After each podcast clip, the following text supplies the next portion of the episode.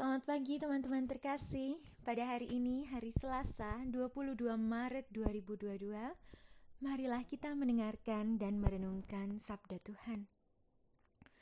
Bacaan kita pada hari ini diangkat dari kitab tambahan Daniel bab 3 ayat 25 dilanjutkan ayat 34 sampai 43. Azaria berdoa di tengah tengah api. Maka Azaria berdiri dan berdoa sebagai berikut.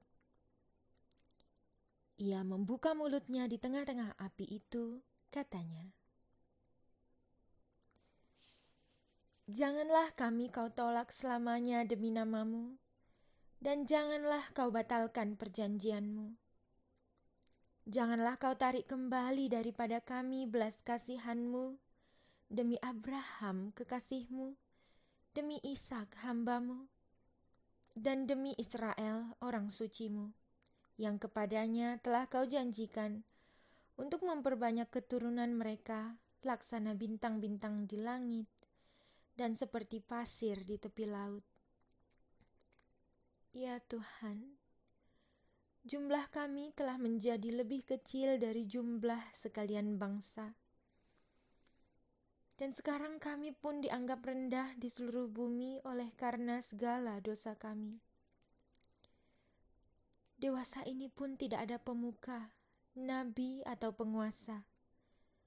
Tiada korban bakaran atau korban sembelihan, korban sajian ataupun ukupan, tidak pula ada tempat untuk mempersembahkan buah bungaran kepadamu dan mendapat belas kasihan. Tetapi semoga kami diterima dengan baik karena jiwa yang remuk redam dan karena roh yang rendah. Seolah-olah kami datang membawa korban-korban bakaran domba dan lembu, serta ribuan anak domba tambun. Demikianlah hendaknya doh korban kami di hadapanmu pada hari ini. Berkenan seluruhnya kepadamu, sebab tidak dikecewakanlah mereka yang percaya kepadamu. Kini kami mengikuti engkau dengan segenap hati dan dengan takut kepadamu, dan wajahmu yang kami cari. Janganlah kami kau permalukan melainkan perlakukanlah kami sesuai dengan kemurahanmu dan menurut besarnya belas kasihanmu.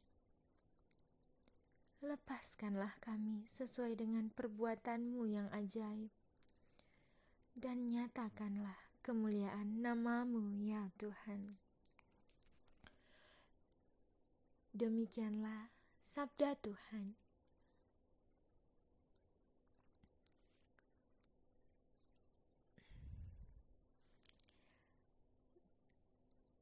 Saudara-saudari yang terkasih, bacaan dari Kitab Daniel menceritakan doa Azaria ketika ia berada di tengah-tengah api, meminta Tuhan untuk ikut campur dengan tangan dan belas kasihnya.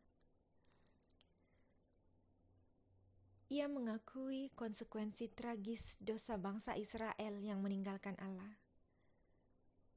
Masing-masing kita hanya mengikuti dirinya sendiri dan semua solidaritas hancur. Tetapi pada saat yang sulit dalam sejarah ini, di sinilah muncul doa orang benar.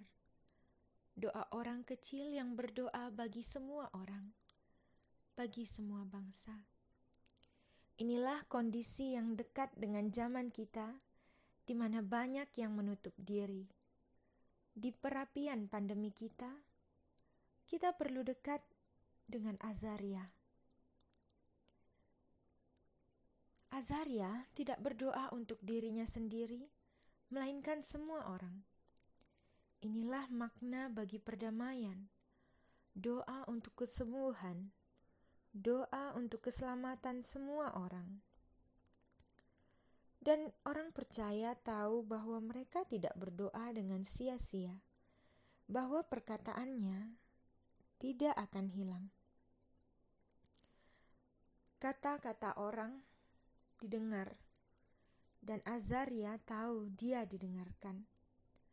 Dia percaya sepenuhnya pada kesetiaan Tuhan. Janganlah kami kau tolak selamanya demi namamu, dan janganlah kau batalkan perjanjianmu. Janganlah kau tarik kembali daripada kami belas kasihanmu. Itulah doa yang lahir dari api.